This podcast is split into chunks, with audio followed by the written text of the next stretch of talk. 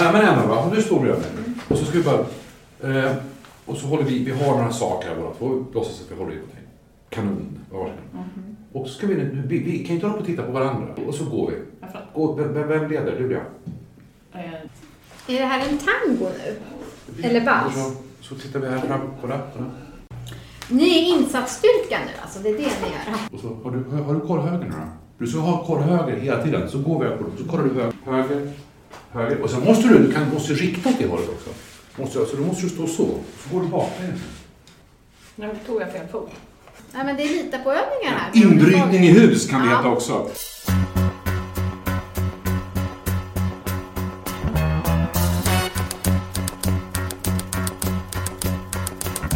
Den här podden handlar om vår kamp att romandebutera.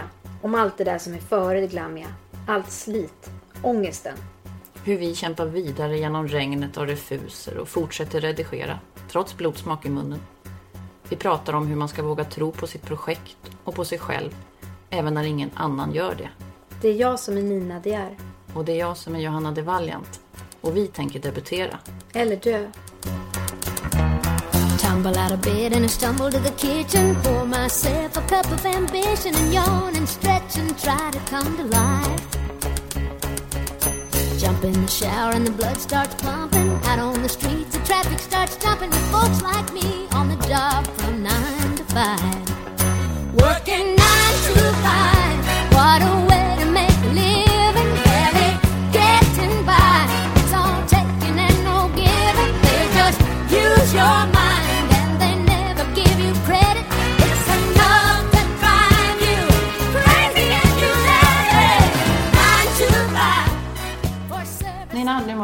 Oss underrättade. Vad händer?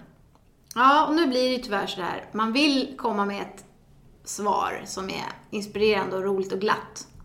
Och att vi får tjoa och tjimma, men det blev inte så. De som har lyssnat innan på tidigare avsnitt vet att jag har haft några intresserade på mitt manus. Båda fick kalla fötter.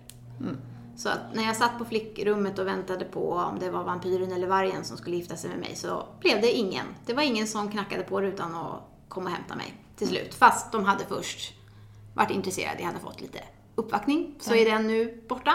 Den ädle riddaren låter vänta på sig. Ja, så vi får se. Det är tur att vägarna är många. Ja, men du då? Åh, Nina! Mm. Det är så tungt. Ja, skrivsommaren börjar med bakslag. Jag åker ut till landet. Bilen är konvex Ja, av alla prylar och jag åker ut med lika mycket förväntningar som bilen är fullpackad. Och sen kommer alla våra vänner över midsommar. Det är fullt ståhej. Huset är fullt av glada människor och tillrop. Och sen åker alla hem och jag ska sitta kvar och skriva. Och manuset har förvandlats från något eh, levande och inspirerande till en tung klump bara. Som inte säger mig någonting längre. så det är Rosemary's Baby du har nu i kuvösen. Exakt. Jag tror att jag ska åka ut och lära fanskapet att dansa, men det är klumpfot på den. Ja, det är jobbigt. Mm. Ja, vi har inte riktigt kommit igång. Nej, a face only a mother could love, säger man ju. Det är nu du måste kämpa med anknytningen. Jag fattar. Det är inte som att jag har gett upp, men det är inte så roligt som jag hade trott. Nej. Men det är ju det knepiga, och varför vi gör den här podden också. Att det är att fortsätta tro på sitt projekt. Ja, jag ringde ju dig i vild panik för att jag, jag behöver hjälp. Jag kan inte sitta här med hängande huvud och bara titta på det här tråkmonstret, utan jag, jag måste få igång energierna. Hallå? Hej, det är Johanna. Ringer Hej! ringer jag olämpligt? Ja, jag ser. Eh, vi är på Skansen här. Okej. Ja. Vi ska åka det här tåget snart. Mm. Ja, ja. dig? ja, men då passar inte. Ja, jag be- behövde bara prata med någon. Jag blir galen. Vad är det du blir galen om då? Nej, men jag kom ingenstans. Det är boken. Ja. Hela jag är liksom typ lobotomerad. Det händer ingenting. Jag får ingen energi. Manuset är dött. Ja. Mm. Ja, alltså det, det låter inte roligt. Vi ska prata bara. Men eh, ja, vi tråkigt här nu. Ja, Men du, dö inte. Nej. Eh, kämpa på. Jag ringer dig sen. Ring mig när barnen har lagt sig då. Ja, jag ringer. De brukar inte somna förrän vid elva, men eh, jag ringer då. då. Ja. Ja, okej. Ha det gott. Hej, hej. Hej då.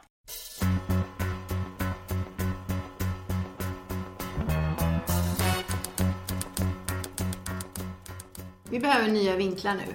Hur du ska skriva klart. Komma igång. Hur jag ska, hur jag ska lära mig älska mitt, mitt manus igen. Ja.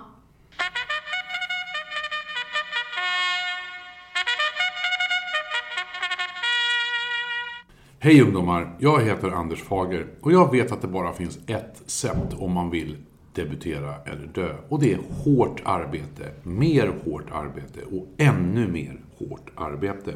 Tycker du att du jobbar för mycket med att debutera eller dö? Så nej, det gör du inte. Du jobbar förmodligen för lite. Det gäller att ta i ännu hårdare. Åh, det är som sammet.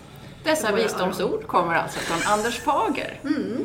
Vad roligt. Välkommen till våran podd. Tack så hemskt mycket och det ska bli ett rent nöje att få vara lite sträng. Du är så välkommen, kära drill sergeant. Vi behöver det här.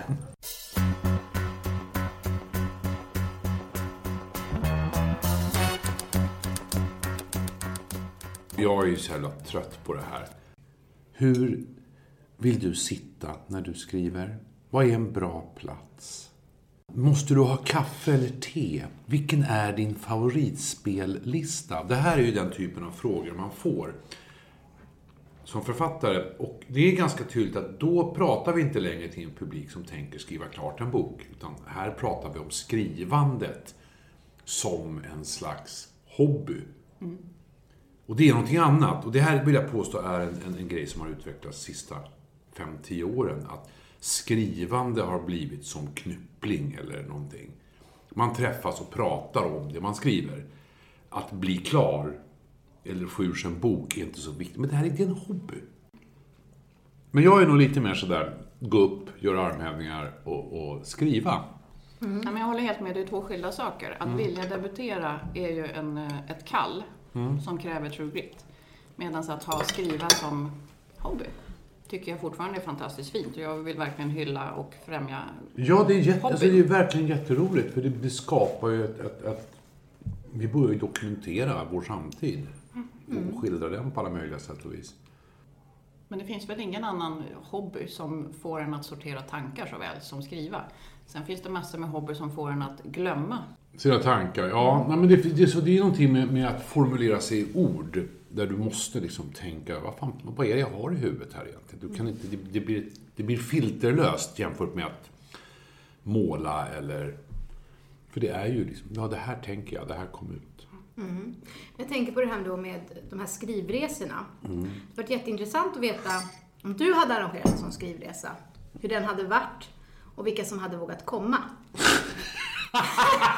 För jag kommer ihåg när jag var din elev på Skrivarakademin, jag gick ju de här Mm. Ja. Mm. manuslinjerna där. Då satt man ju på någon sån här intro. Mm. Då satt jag med då Annika Wenström som är en fantastisk författare och skrivlärare. Jättebra tjej. Hon är helt grym. Och då frågar hon mig så här, ja, du, jag ser det som att du har två alternativ på handledare här. Du kan antingen få mig, och jag kan allt det här, och jag känner liksom hon är briljant. Eller, så, sa hon så, eller så kan du få en patriarkal militär. Och jag sa, jag tar den patriarkala militären. Hon sa det verkligen med Ja, glimten i roligt, det är ögat. roligt. Och det var Eh. lite för att hon visste också att jag skrev lite så feministisk eh, litteratur. Att då vill jag utmana mig. Ja, men det är smart. Jag tror, att- jag tror att det, det, där är, det där är också ett mod som konstnär eller människa. Att inte hela tiden söka sina likheter. Nej. För att då hamnar vi i de här trigger warning-bubblorna. När man väljer en hårding, då vill man ju, alltså man vill bli drillad. Det går ju säkert att göra någon sorts 50 shades of skriva. Ja, det var inte Men det är, ju, på. det är ju en paketresa. Det, Ja. Vad- vad- vi- vad skulle vi göra? Det är så här- Det är någon sorts shake-artad du vet, så här, skrivresort. Det är Mm. morgonuppställning, risbastu och sen är det bara 10 sidor sen innan ni får mat. Ja, men det låter ju... Jag skulle Annorlunda. komma. Ja. Alltså, jag skulle verkligen eh, Ja, göra det- Mm. det. Och det var, när jag var din elev, då gjorde vi också mer... Det var någon sån här handledning då gick vi i ösregn på en promenad Ja. och pratade. Och, sen, Och du var gravid? Ja, jag var höggravid. Så hamnade vi på Systembolaget Norra Bantorget. Av någon anledning. Ja, just det. Nej, men det, var, det var väldigt roligt och jag hade väldigt roligt åt dig för att du var så på. För att du var väldigt så här, men vad ska vi göra? Det är kul med sådana människor för att de är ju... Det kanske inte alltid blir bra eller bäst, men det blir alltid. Ja, det blir något. Ja, jag har Det- skrivit en bok. Ja, nej, men det finns någonting med det. Att det blir. Man får, man får något gjort. Och det här är ju också en grej av det här. Eh, istället för att sitta... Istället för att sitta och känna och fundera över jag undrar hur min karaktär skulle, skulle göra det här. Jag måste tänka några dagar till. Så skriv skiten och se vad som händer. Och det finns så mycket sånt som jag kan bli. Då får jag, då blir jag verkligen någon gammal överfurir och undrar Väntar du på att boken ska skriva sig själv eller? Men det minns jag ju, för först Mm. skulle jag ringa dig då ni hade fått dig, den patriarkala militären tilldelad mig. Så fick jag så här, patriarkala militär. Jag säger det igen, jag har all det här Annika, du kommer att få äta upp det här. På ett eller annat vis. will hunt you down.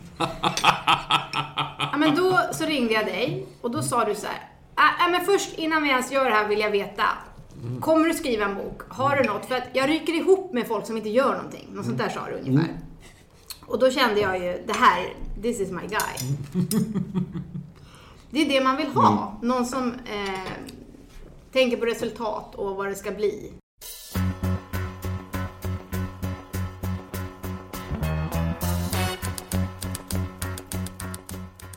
Du har ju en bakgrund som eh, officer. Ja. och jobbat inom militären. Jag tänker att du har haft användning för det som författare. Ja, man lär ju sig, det är ju någon sorts disciplingrej, självdisciplin, på ett väldigt basalt plan.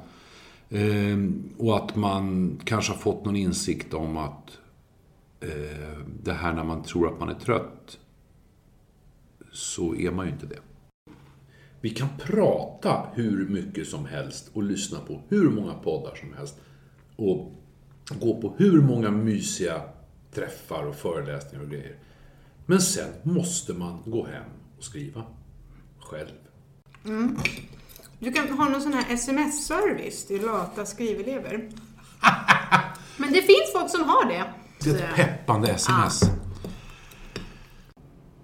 Ja, men det är intressant. Jag ska bara ringa upp folk. Ja, det är Johanna. Johanna, hur många sidor har du skrivit idag? Eh, jag har, hade lite svårt här på förmiddagen bara att komma igång. Nu är klockan 12. Hur många sidor har du skrivit? Det här är faktiskt viktigt för mig. Eh, ja, det... Ja, jag, jag ska börja skriva då. Nu. Du ska börja Nu ska jag börja skriva. Bra. Ja.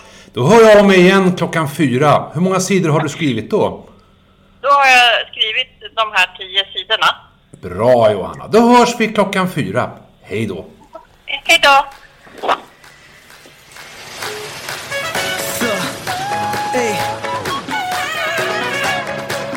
Låt mig vara din soldat, ey.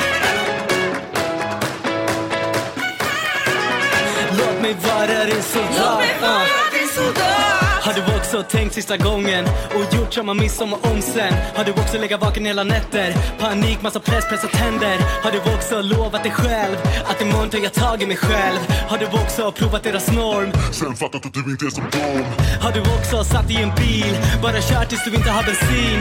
Har du också tänkt om jag flyr? Kommer allting bli bra inuti? Har du också fattat till slut att den enda som kan rädda dig är du? Du behöver inte bära allt själv, för jag har känt precis som du känns Jag har sett hur den där skiten alltid tär på dig Jag kommer kriga för din skull och finnas där för dig När du stupar nästa gång så vill jag bära dig Låt mig vara din soldat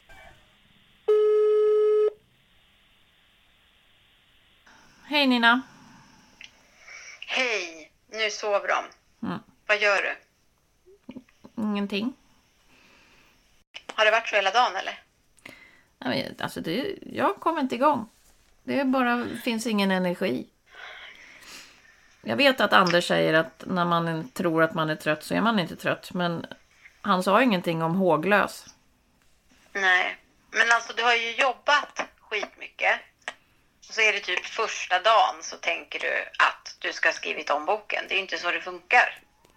Du behöver kanske en break eller lite inspiration för att fira liksom att det börjar nu. Mm. Ja, här ute är det inte många som firar vill jag lova. Det är jag och grannens tupp.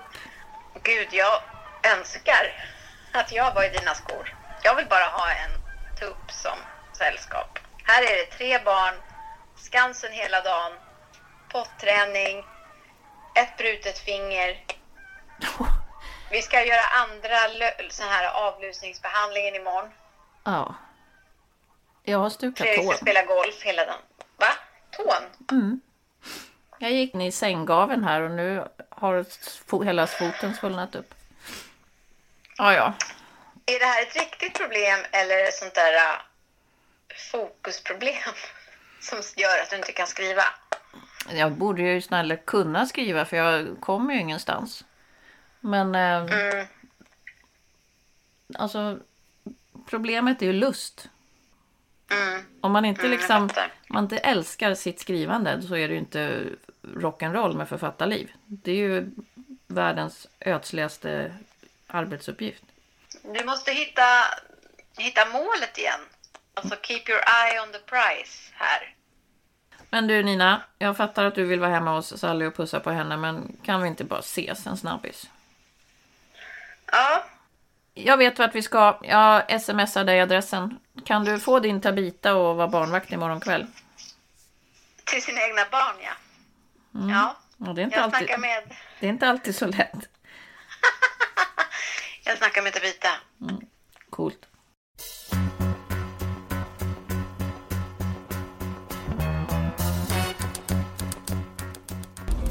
Ja, välkommen till min miljö. Tack, kul att få vara här. Är det här em, hon sitter? Mm. De sitter här och hänger allihopa. Nu är vi på Haket, som är den centrala miljön i min bok. Mm. Jag skrev först och sen så tog jag med mig min man på research. Han har aldrig uppskattat researcharbete så mycket måste jag säga. Som den gången vi var ute och letade barer på Södermalm. Han Mm. fick dricka jättemycket öl och vi gick runt alla Södermalms sunkhak för Mm. att hitta den miljö jag letade efter. Mm. Och då funkar ju inte Pane Vino. Eller de Inte, där. inte ett dugg. Han försökte Mm. dra iväg mig på de här lite snofsigare ställena men nej. Till slut hittade jag den miljön som jag redan hade skrivit. Det var som att gå in i sin egen bok. Den bara fanns. Jukeboxen stod på rätt ställe. Tjejen bakom baren var samma tjej som Mm. jag redan kände. Någon som hängde på andra sidan baren och satt och drack öl. Mm. Det var meant to be, helt enkelt. Han som ägde baren hette till och med bossen. Det visste ju jag. När det här hände, gick du fram och bara typ skrek så här, yes! Eller vad gjorde du? Jag Sa du satte mig ner och tog paradrätten köttbullar som Ja. jag redan hade skrivit in. Men det är lite attraktionslagen kanske? Du skrev fram ditt ställe. Mm. Och på den tiden bodde jag ju på Gärdet. Men nu bor ju jag granne med det här stället så att jag har ju flyttat in i min bok. I porten ja, där den utspelar sig. Eller? De tre karaktärerna jag har bor ju grannar på, på Södermalm Ja. i lite olika portar och det här haket är den centrala plats där de krockar med varandra. Och min egen port ligger mitt emellan här. Mm. Men gud vad fint att du tog mig hit. Det känns lite som en open heart surgery. När vi har öppnat upp kroppen och satt upp såna här äh, klaffar. Och så får vi bara titta rakt in i hjärtat på den här, din bok. Det hade varit fränt att få besöka din miljö. Ja, det är betydligt svårare. Mm. En disclaimer till varför det tog fem år att skriva min bok är ju för att jag hittade på platsen den utspelar sig på. Och även om jag skrev första utkastet på fyra månader så tror jag att det tog mig två år bara att fatta vad det egentligen var för plats jag hade gått och tänkt på och ville skriva om och hur allting fungerade i den världen. Mm. Man kunde få frågor när man satt på sådana här textsamtal i någon, eh, på någon skrivutbildning. Där de frågar så här. Ja men eh, vad gör de med de döda i den här världen? Eh, Blir de kremerade eller finns det några kyrkogårdar? Ja, de kremeras, Så blir man tvungen att hitta på det. Mm. För allting behöver ju inte vara med. Det är ju det som är tricket. Att man ska ju bara ha med det som fyller en funktion i boken. Man behöver egentligen känna, igen, känna till mycket mer. Det är klart man måste. Man måste ju ha kunskap om paradigmerna som, befin- som råder i din miljö. Ja, så det... Jag ska inte säga att jag aldrig gör om det. För jag ska skriva en till bok i den världen. Men det är inte den jag håller på med nu. Min nya uppstartade bok, den utspelar sig i villaområdet i Bromma. Den är lättare att besöka. Ja, men just nu känns inte det lättare heller. Så det är ju intressant hur ja, man måste återupptäcka en plats fast man bor där på ett annat sätt. Det som är när man skriver en dystopi, det är att miljön i sig är spännande. Ja, eftersom den är påhittad. Och man som läsare får vara med och bygga upp och fantisera. Ja. Medan att sätta liv på ett hak på Södermalm som är ganska snubbigt. Eller att få en villagata i Bromma att bli jättespännande. Det kan ju också ha sina utmaningar. ja. Vad är det man snappar upp? Men det handlar väl alltid om när man skriver en bok att man ska placera sina karaktärer i en miljö som ger någonting. Och i eh, ja, det manuset jag har skickat in, då är det ju, eh, har jag ju skapat ett samhälle och en stat som är annorlunda för jag ville utforska hur det blev för människor om det var så i samhället. Medan nu då när jag ska slänga in några karaktärer i Bromma, då vet jag ju hur, att jag vet ju att 12 spårvagn går till Ålsten. Hur de ska ta sig hem och vad det är för träd som växer längs gatorna. Men då blir ju utmaningen att göra karaktärerna tillräckligt intressanta och dynamiska i den miljön som jag känner till så väl. Precis, det ska vara någonting som man vill skala. Ja, att komma under alla de här lagren av den fasaden man ser.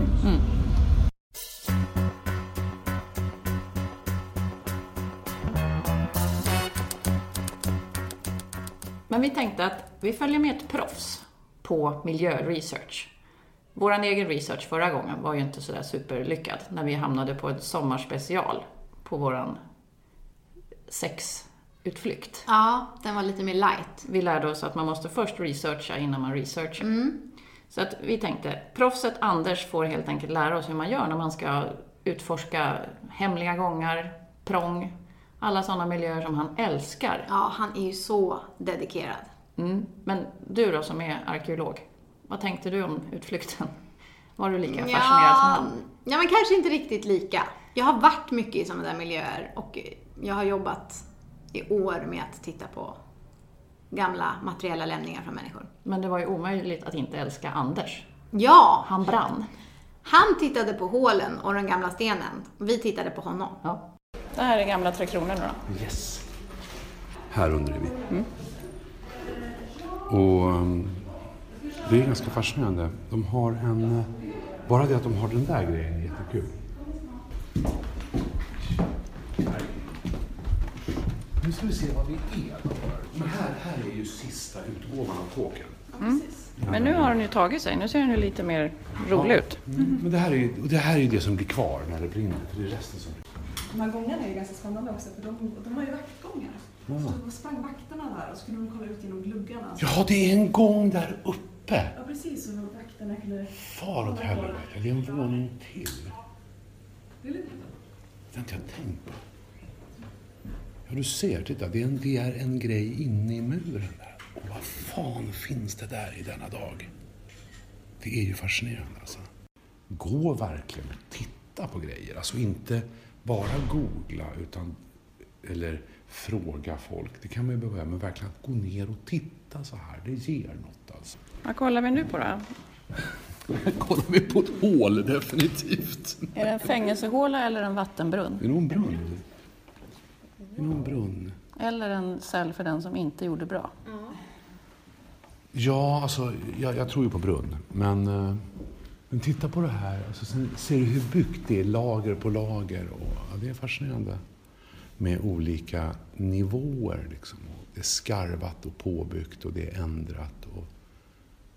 Det är som att det alltid har funnits en plan, men den ändrar sig. Som livet.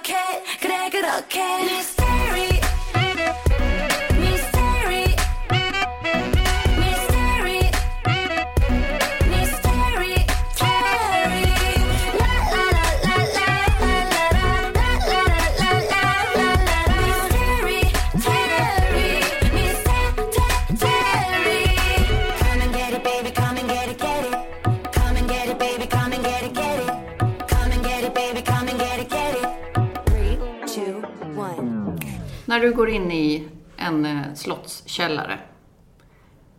vilket sinne är det du börjar jobba med?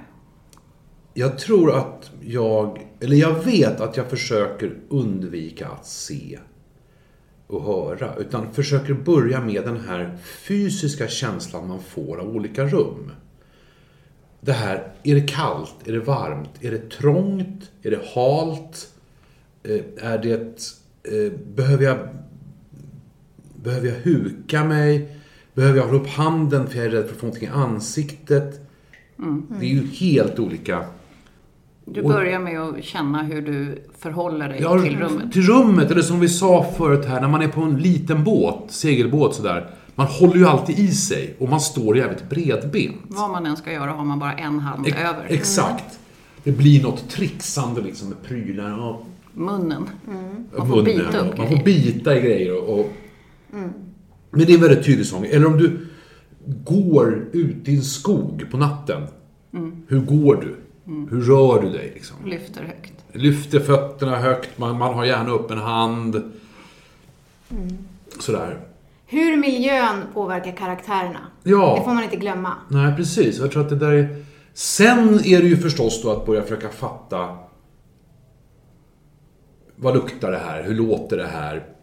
Och ibland så, så märker man ju att du kan ju inte ha varit på en sån här plats. För att det går inte att prata där. Det, det är ju sånt jävla liv. Ja, men det här är intressant, för man uppfattar ju ungefär en miljard gånger mer än vad man tar in att man har uppfattat. Precis, det där är jättebra tycker jag. För att, att vi någonstans fattar vad, vad rum och plats gör med perception. Men det sägs väl att det är tusen saker som hjärnan kan ta upp i en situation, men det blir ju för jobbigt. Så att man plockar ut fem. Och sen måste man gå därifrån. Och om man då kan släppa det helt så kan andra av de här tusen trilla in. Det finns ju massa olika sådana regler. Sen tror jag också det där är hur man är tränad eller vad man, vad man är fokuserad på. Eh, alltså vad är, vad är ens yrke eller vad är ens roll i det här? Eh, en, en kirurg som står på det här akutintaget, han är ju bara här. Han är ju bara nere i det han gör. Allt annat är ju borta och förmodligen i, i halva grejen är att han har en, en syrra eller någon som står bredvid, eller hon har bredvid, som vars enda jobb är att hålla rent runt doktorn. Det kan brinna runt omkring. Ja. Men hon håller ren.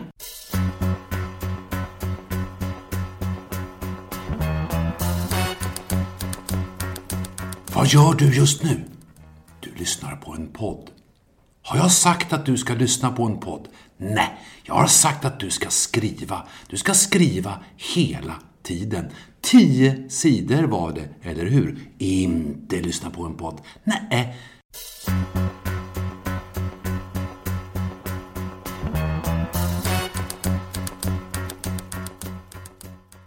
Jag träffades ju på Skriv 16 då och då höll du ett föredrag om research. Det var inspirerande. Ja, alltså det. Och det jag föll för där var att du sa just det här med att när man researchar så hittar man så mycket annat än det man har tänkt. Ja, det är ju tyvärr så. Man lär sig de mest bisarra grejer. Eh, och man blir en jäkel på TP. Man kan ju ha en bild av hur någonting går till. Ja, det här är det säkert advokater som sysslar med. Sen inser man efter ett tag att nej, det var det inte alls. Det var någon helt annan yrkesgrupp. Och då har man ändå lärt sig något festligt om advokater som man kanske har nytta av senare. För att det är ju ofta så att vet man inte riktigt så blir det ju mycket torr sim. Men eh, samtidigt så är det som vi har vi har ju snuddat vid det redan, men, men det är ett sätt att förstå sin omgivning och skriva om något annat än sig själv och den egna upplevelsen. För jag, jag, jag tillhör de människor som tycker den egna upplevelsen, min eller andras, är jävligt tråkig. Jag är, åh, hur känns det att vara gubbe på 53? Folk som skriver i sci-fi fantasy-svängen, där är ju världsbyggandet i sig lika kul som att skriva. Så det blir någon slags självsväng. Det är väl som vi har sagt innan, det viktiga är ju att inte köra fast i något slags evighetsbygge. Vad säger du då? De som säger att de har kört fast. Alltså det finns väl två sorter. Dels det här att jag måste läsa en bok till. Jag, jag, har lä- jag ska göra en intervju till. Det blir, det blir snarare någon sorts journalistisk verksamhet. Men det är ju en utmaning också när det gäller research, Ja. att då bara använda precis det man behöver och inte komma med så här 10 sidor infodump för att det var så kul. Ja, precis. Precis. Men du har ju många upplevelser av att du ringer någon för att Mm. ställa en fråga Ja. och får 300 andra svar. Ja, det händer ju väldigt ofta. Framförallt om inte jag ställer rätt fråga. Det är ju det, är ju det problemet. Men det är ju så man är som novis. Man ställer ju inte rätt Nej, fråga. precis. Precis. Och så är det ju verkligen. Ibland så måste man kanske innan man ringer någon fråga de här grundläggande frågorna. Är det här ens patologi? Är det liksom... För att eh, nu har jag aldrig skrivit en deckare men, men jag har inte klart för mig hur ett ärende handläggs hos polisen. Jag skulle säkert ställa jättekonstiga fel frågor om jag började med något sånt. Sen är faktiskt sociala media jättebra. Jag brukar kunna slänga ur mig. Hej, hallå, är det någon som vet hur det här fungerar? Och då blir det alltid någon som säger Nej, jag vet inte, men min polare Roffe gör inget annat på dagarna. Mm. Och Och det- folk tar sig tid att svara. Ja, förbluffande ofta får Man jä- till exempel polisväsendet Ja. som en stressad yrkesgrupp. Det gäller att ta dem när de inte har så mycket. Man ska ju inte ringa yttre befäl när det både är Håkan Hellströms Summerburst och två fotbollsmatcher samtidigt. vattenfestival. Och ja, vattenfestival. Man ska inte ta han där just då, för då kan, han- kan han ju vara lite i affekt. Liksom. Men, men eh, det finns ett brandbefäl också, sitter ju en vakthavande. Han är ju inte ute. Där är alltså klockan 12-signalen. Dags att börja skriva, ungdomar! Det där som passerar är tid, den får ni aldrig tillbaka.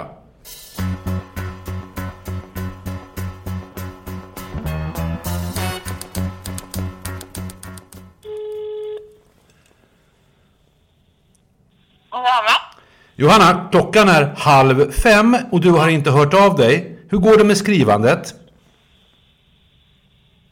Alltså, jo men det var just nu, hon, eh, hon ska gå alldeles strax men jag fick ett besök här. Men Du fick ett besök. Var det Kronofogden eller någon som du inte kunde stoppa från att komma in i lägenheten? det var lite svårt. Det var lite svårt. Så länge. Jaha, Men under kvällen här kommer jag hinna en hel del. nu kommer det. När är du klar med dina tio sidor? Innan jag går och lägger mig. När går du och lägger dig? När jag är klar med mina tio sidor. Så ska det låta, Johanna.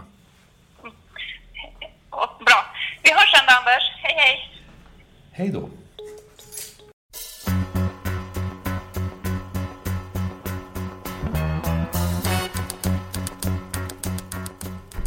Ja, men det här var väl en omväxlande dag. Ja, det jag tar till mig mest eh, efter vårt möte med Anders, det är ju det här att skriva, men när man inte kan skriva, då måste man söka input. Och sen tillbaks till skriva. Skriva, input, skriva, input. Växla mellan dem så blir det bra. Då blir det en bok. Ja, och inte sitta ute på landet och med hängande huvud stirra på sin text. Utan eh, gå tillbaka till mina miljöer och lyfta blicken och ta in vilka Mm. är det som rör sig. Jag kommer ju alltid höra någonting. Då det Mm. kan räcka med att man hör en fras som man bara ah, där satt den. Och så är man Ja. tillbaks i sin känsla. Mm, du behöver bli triggad Mm. och hitta den där stämningen som du älskade när du började. Och även om inte Anders har lärt mig att älska mitt manus så har han ju verkligen inspirerat mig till att vara aktiv. Och när jag har varit på inspirationsutflykt så åker jag tillbaks till landet och sätter upp stora bommar så inte någon kommer dit och stör. Keep out. Men du, ehm, nu är det ju slut. Men nästa gång är vi ju jättestolta för att vi har Anna Tell som kommer att prata med oss. Mm, hon har ju skrivit en spänningsroman och här har vi verkligen en tjej som har någonting att säga. Ja, hon har ju skrivit Fyra dagar i Kabul. Det är verkligen en bok att rekommendera att Ja, ha i så hängmattan. himla bra debutbok. Hennes resa ska vi prata om. Både den i Afghanistan och utgivningsresan. Ja, det ser vi fram emot jättemycket. Häng gärna med oss på sociala medier. Vi fortsätter försöka bli författare hela sommaren. Häng på vår hashtag, debutera eller dö. Det är kul att följa andra som också försöker bli författare. Andra leriga strebers. Ja, Men så länge, skriv som om det gällde livet. sök input när ni inte kan skriva och sen tillbaks till skrivandet. Fastna inte. Nej. Gör det ni ska. Skriv den jävla boken. Hejdå! I got this feeling inside my bones. It goes electric wavy when I turn it on. Off from my city, off from my home. We're flying up no ceiling when we in our zone. I got that sunshine in my pocket, got that good soul in my feet. I feel that hot blood in my body when it drops. It, moving so phenomenally. You're more like the way we rock it, so don't stop. And under the lights when everything goes. Hej, det här är Nina Geer. Jag kan tyvärr inte ta ditt samtal just nu, men lämna gärna ett meddelande. Nina, Nina! Det dansar! Manuset dansar, Nina! Nothing I can see but you when you dance, dance, dance. Feel